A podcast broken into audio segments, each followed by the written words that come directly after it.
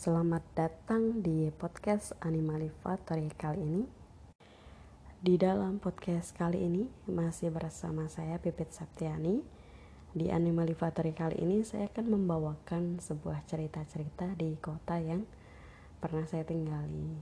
Di mana kota ini uh, menyimpan banyak memori, kenangan-kenangan indah mungkin untuk beberapa orang ya, sebagian besar orang di Indonesia gitu kota ini kota kecil kota yang sangat nyaman. Mungkin karena dia sering didatangi oleh para pendatang di seluruh Indonesia maka orang-orang yang singgah di situ mendapatkan memori atau ingatan yang luar biasa ketika tinggal di kota kecil ini. Kota kecil ini namanya Yogyakarta. Nah 9 tahun uh, saya tinggal di situ dan ini terinspirasi dari lagu di Apple Music yang uh, terplay dengan sendirinya tadi di browser ya gitu. Dan ketika lagu ini dimainkan kok jadi ingat gitu ya ketika dulu lagi tinggal di Jogja gitu. Pengalaman-pengalaman gado-gadonya seperti apa gitu. Jadi kayak semua hal yang uh, baru dan sangat uh, indah gitu loh. Terlalu indah bahkan untuk dilupakan seperti misalnya di Jogja itu adalah uh, tempat di mana saya pertama kalinya doyan makan terong terong crispy ya di sana. Yang paling sering ditemukan di warung-warung itu penyetan atau bebakaran tuh pasti ada terong crispy gitu.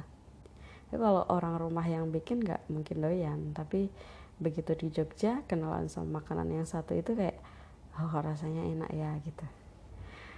Selain telo terong crispy juga uh, gudeg juga salah satu makanan favorit yang pertama kali saya kenal juga di Jogja. Kalau bikinan rumah tuh nggak ada semacam campuran krecek atau campuran itu bumbu yang kental itu. Yang yang di Jogja ini lengkap sekali. Jadi ada campuran kreceknya ada ya bumbu bumbu yang kental itu apa ya namanya nggak tahu lah. Intinya beda gitu gudeg Jogja dengan gudeg uh, di kota-kota lainnya gitu. Uh, makanan ya tadi ya uh, terong crispy sekarang gudeg Jogja.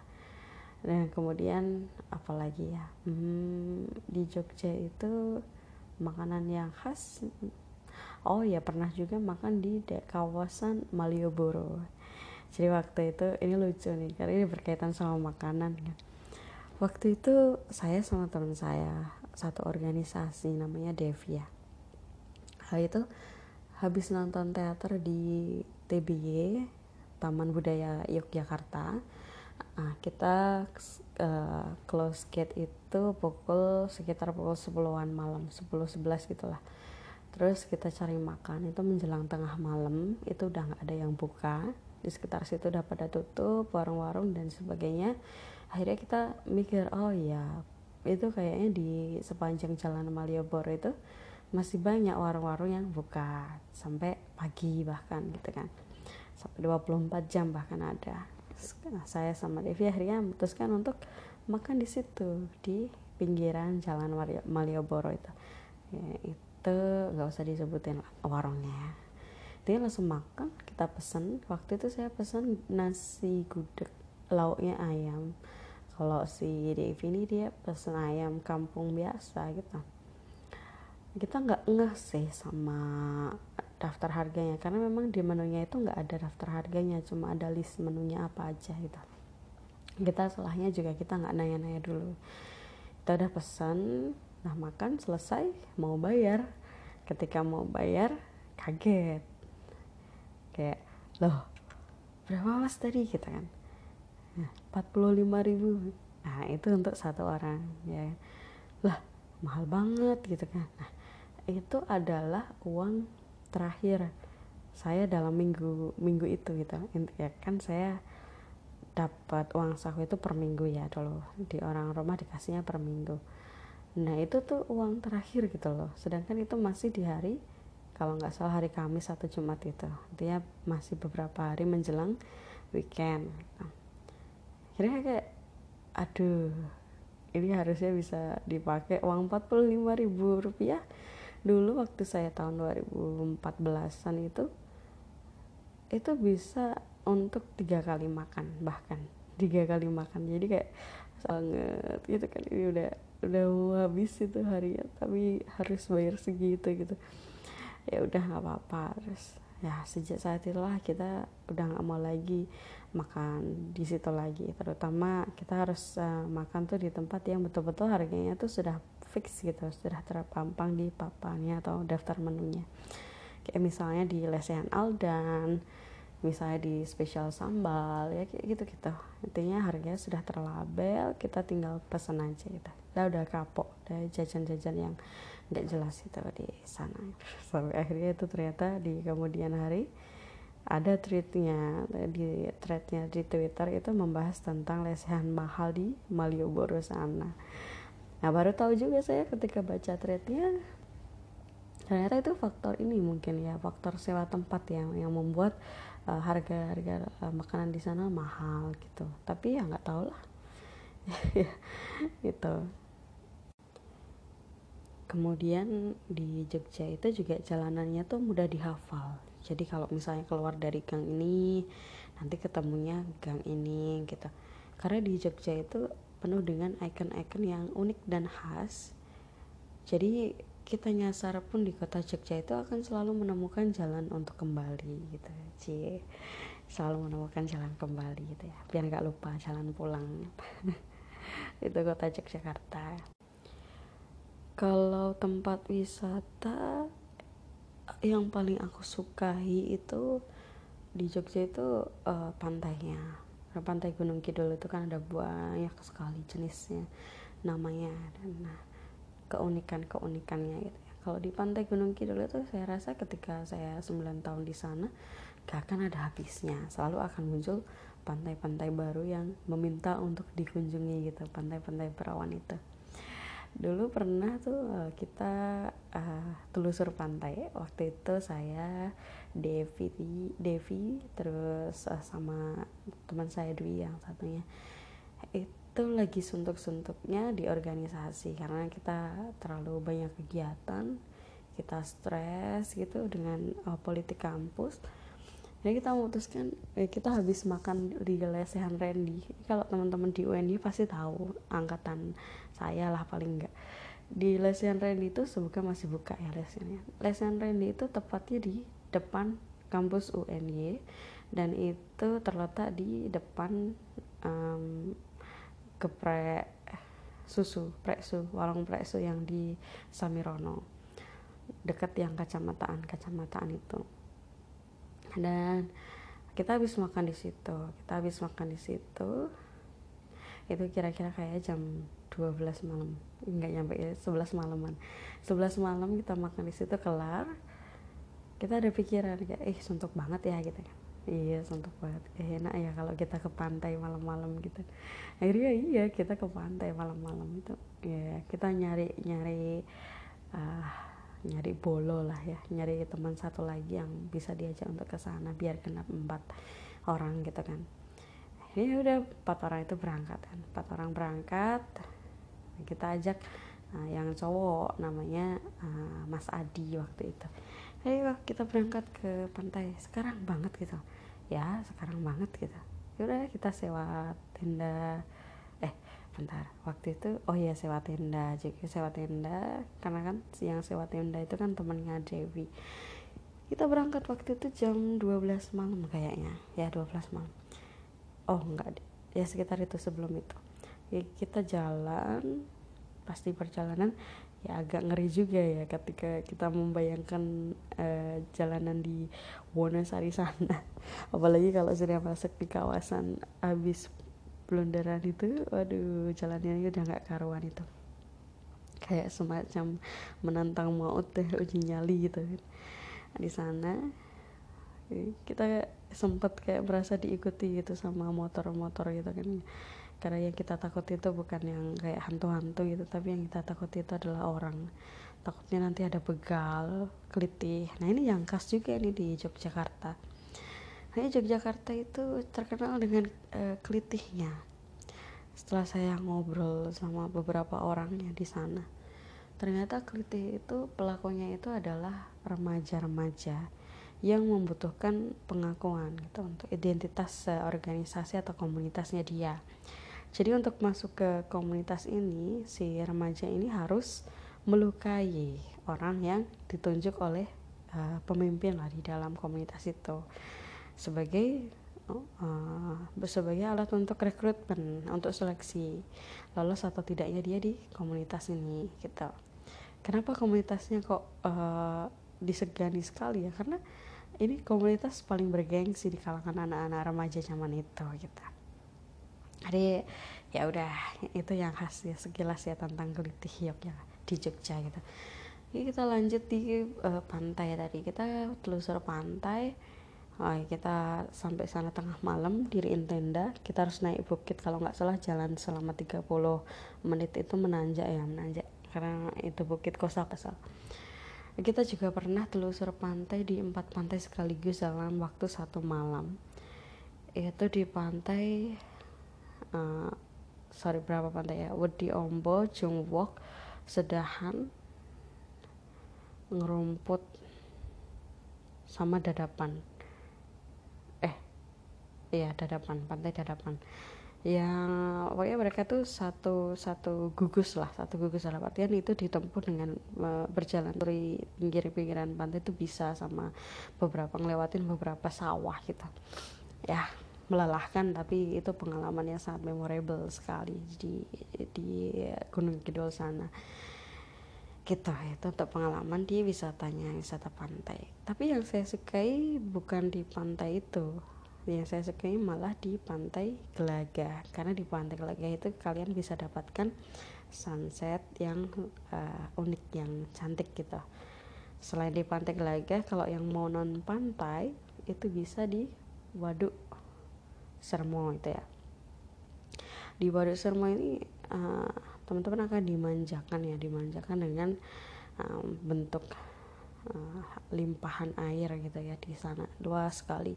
Bisa dengan naik perahu gitu ya sekitar 20.000 harganya untuk sekali naik perahu keliling gitu. Sana juga bisa camping tapi hati-hati karena ya namanya berhubungan sama air kita nggak pernah menduga akan terjadi apa di situ dan juga ada memorinya juga di sini sana sama orang-orang terpenting saya terpenting untuk saya gitu. Ada romantismenya romantisme dalam percintaan gitu. Saya pernah ke sana dengan uh, pasangan mantan ya mantan mantan saya dulu gitu. Uh, aduh jadi kayak inget ya kerikol lagi nih memorinya nih. Uh, anyway ketika kita bicara tentang memori ketika kita bicara tentang memori uh, proses uh, kembalinya suatu ingatan uh, atau itu ada tiga ya. Ada recall terus apa lagi ya? Hmm saya lupa. Hmm ada recall uh, recognize kemudian re di di integrative mungkin itu ya kalau nggak salah itu. Ya kalau recall itu ya kita menautkan ingatan itu dengan petunjuk ke dalam organisasi organisme gitu ya organisme. Kayak misalnya kita ingat tugu oke okay Jogja gitu. Kalau recognize tuh ya kayak kita melalui jejak-jejak ingatannya. Kayak misalnya dulu aku pernah ke sini sama pacarku gitu sama mantanku. Nah itu bisa menjadi recognize kemudian kalau re di integratif tuh itu kayak kita butuh butuh diceritakan kembali baru kita tuh ingat dengan kejadiannya secara runtut. Kayak misalnya kamu inget gak sama aku? Itu loh yang ngasih kamu uh, pita merah. Ya waktu kita ospek itu dulu kan kamu pernah sakit kan? Terus tak kasih pita merah supaya kamu tuh ditandai sama panitia ospeknya gitu nah itu ready integratif. Kalau nggak salah itu ya namanya ya ready integratif nah kalau untuk e, memasukkan memori ke dalam diri kita itu ada beberapa proses yaitu prosesnya encoding kemudian uh, apa lagi ya? Storage storage itu proses menyimpannya. Ya jadi ketika dimasukkan informasi atau ingatannya momen-momennya itu akan disimpan ke dalam storage. Kemudian proses mengeluarkan kembalinya itu namanya retrieval. Jadi itu ada tiga tadi. Kok jadi ngomongin memori ya padahal lagi ngomongin Yogyakarta ya, ya intinya itu. Jadi ingatan kita itu tergantung seberapa dalam bekasnya. Itu akan membuat kita susah untuk melupakannya dan ketika kita berusaha untuk melupakan memori-memori yang sudah tersimpan di dalam penyimpanan jangka panjang ya itu akan susah. Karena kan kalau sudah di situ seperti sudah abadi gitu ingatannya. Walaupun memang jarang muncul lagi tapi ketika sekalinya dipanggil nah itu akan memuncah lagi. Kayak tadi saya play lagu kelah tentang Jogja itu langsung semua memori-memori itu terpanggil lagi gitu. Karena bekasnya begitu dalam um, kalau tempat wisata yang saya pengen kunjungi tapi belum sempat saya kunjungi itu adalah memo eh, sorry uh, museum Ulan Sentalo. Karena di museum itu sangat eksklusif ya tempat ya. Uh, dulu saya pernah mengunjungi itu pas hari Senin. Hari Senin ke sana tapi ternyata hari Senin tuh libur. Jadi saya makanya saya belum sempat sempat ke sana karena sekalinya ke sana tempatnya jauh ternyata tutup ya udah kapok gitu. Kata kan katanya di sana itu banyak tempat-tempat yang bagus itu kayak hidden game lah kalau di bahasa zaman sekarang. Hidden game di sana kalian bisa menemukan tempat-tempat yang romantis gitu. Jejak-jejak peninggalan sejarah yang memorable gitu kisah percintaan-percintaan zaman dulu. Antara ah, siapa ya itu ya peninggal? Aduh lupa intinya itu kalian bisa menemukan. Dan ketika di sana harus pakai guide. Nah, jadi di sana itu harus sewa pemandu. Kira-kira harganya sekitar 50.000 itu belum dengan tiket masuknya. Dan teman-teman nggak boleh sembarang foto di sana karena banyak situs-situs yang sangat dijaga gitu keasliannya dan kerahasiaannya gitu. Itu di Ulen Sentalu jangan lupa nanti kalau sudah habis dari Ulen Sentalu teman-teman mampir di uh, kulineran yang sangat terkenal yaitu tengkleng gajah. Ini tengkleng gajah ini kenapa disebut tengkleng gajah? Karena uh, dia tulangnya tuh gede gitu tulangnya tulang apa ya? Tulang sapi. Kalau kambing nggak mungkin segede itu.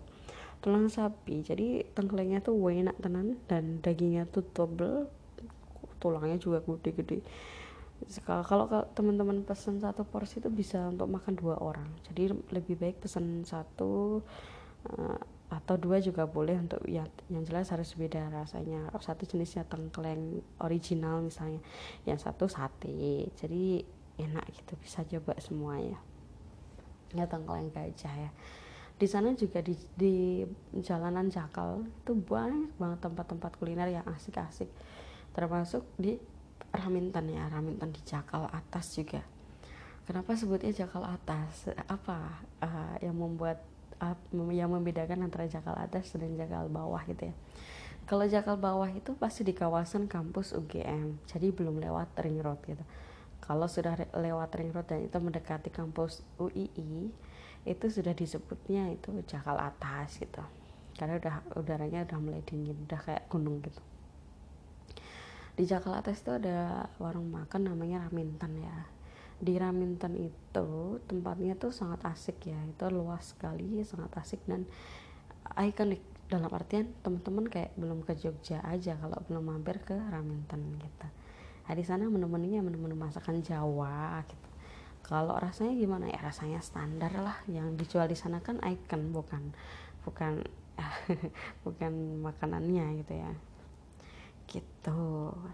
Di Jakal bawah ada Tempo Gelato ya. Dulu kalau saya pertama kenal Tempo Gelato itu di Prawiro Taman. Kalau kata orang Prawiro Taman itu adalah New Yorknya Yogyakarta. New York Yogyakarta.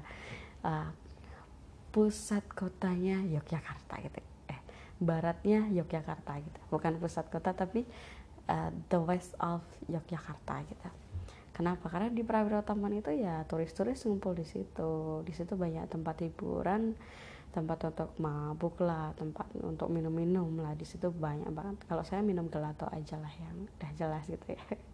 Nggak tahu sekarang masih ada apa enggak yang pertama di Jogja di situ. Terus kemudian Nah, ini yang baru nih di jangkal bawah tadi ya sekitar UGM. Itu ada dua tadinya, tapi sekarang tinggal satu karena ada konflik uh, tentang brand gitulah. Tah, nggak saya nggak begitu mengikuti ada ya. Tuh, tuh Tempo Gelato di jangkal bawah. Kalau tempat untuk foto-foto asik di mana ya? Kalau tempat untuk foto-foto asik itu di uh, sorry Candi Ratu Boko kalau enggak Candi Ijo itu untuk mendapatkan siluet ya untuk mendapatkan uh, cahaya matahari tenggelam itu bagus banget cantik banget itu kalau di situ. Kalau pas siang mau ke mana? Kalau kalau ke siang bisa ke Ratu kalau siang itu bisa ke Taman Sari ya Taman Sari ya teman-teman karena di Taman Sari itu memang agak membingungkan ya tempatnya karena terpecah-pecah terpisah-pisah gitu. Tapi itu kalau teman-teman menemukan spot-spot yang bagus untuk foto-foto itu hasilnya akan luar biasa gitu. Ada sesuatu yang bangunan yang unik-unik gitu lah.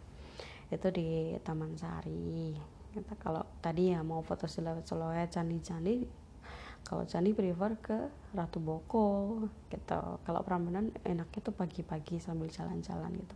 Karena kalau udah siang itu panasnya minta ampun karena dia halamannya luas dan pohon-pohonnya kan jarang gitu. Itu. Kalau saya suka di Candi Ijo karena di Candi Ijo itu kita harus naik-naik nanjak-nanjak gitu kan. Itu setelah tebing presi nah nanti kita bisa kayak melihat seluruh kota Yogyakarta dari situ dari atas itu kalau di ah, Bukit Bintang gimana? Bukit Bintang itu ya biasa aja kayak cuman kita berhenti di pinggir jalan kita melihat lampu-lampu kota dari atas gitu aja sih. Gak yang menarik kalau menurut saya ya. Gak tahu kalau orang-orang lain mungkin ada kenangan di situ gitu. Ditembak pas lagi di situ kan gak tahu juga kalau pengalaman unik lainnya kalau di Jogja itu karena dia kota mahasiswa ya.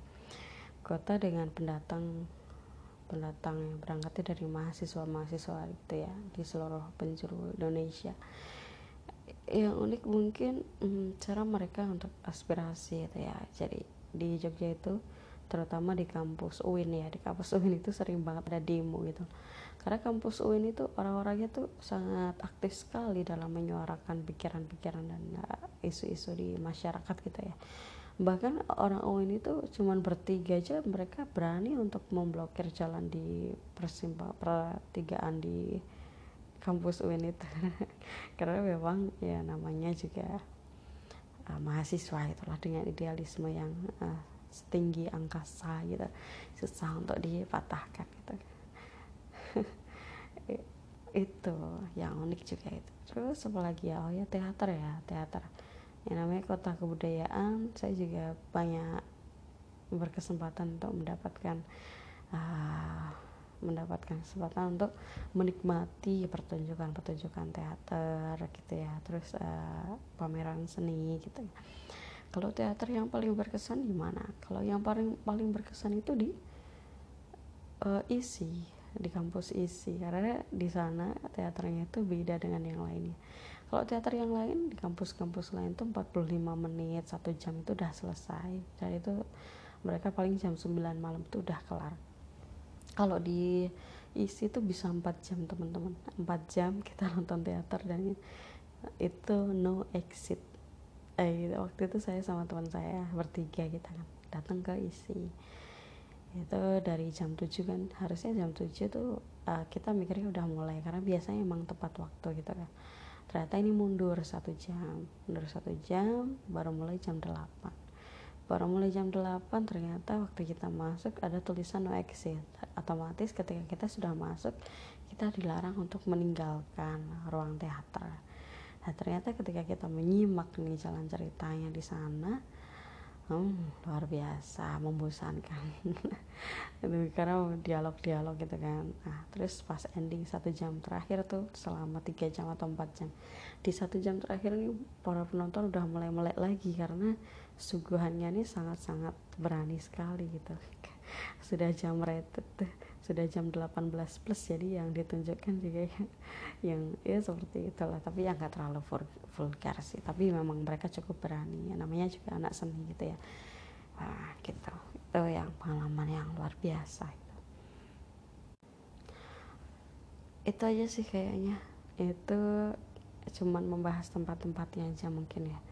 Itu baru membahas tempat-tempatnya aja nah bisa di lain kesempatan kita membahas tentang kenangan-kenangannya gitu ya. Apa aja yang bikin susah move on gitu ya dari Yogyakarta kalau sementara ini itu hanya tempat-tempat yang uh, mem membentuk trace yang paling dalam gitu ya di diri saya.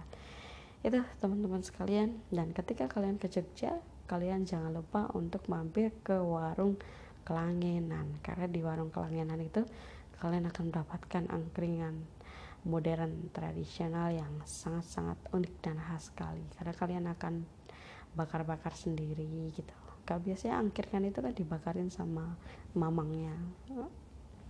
Tapi kalau di warung kelangenan kalian akan disuruh dikasih tungku kalian bakar sendiri. Enaknya ramai-ramai. Nah dia kalau ke Jogja harus mampir ke situ. Itu aja untuk uh, podcast di episode kali ini mudah-mudahan teman-teman merasa terhibur dan semakin ingin berkunjung ya di kota kecil ini. Uh, saya Anima Livatori Pipi Septiani pamit undur diri karena sudah ngantuk juga yang ngomong ngalor ngidul ternyata membuat saya lumayan ngantuk sampai ketemu di episode selanjutnya. Kami Anima Livatori pamit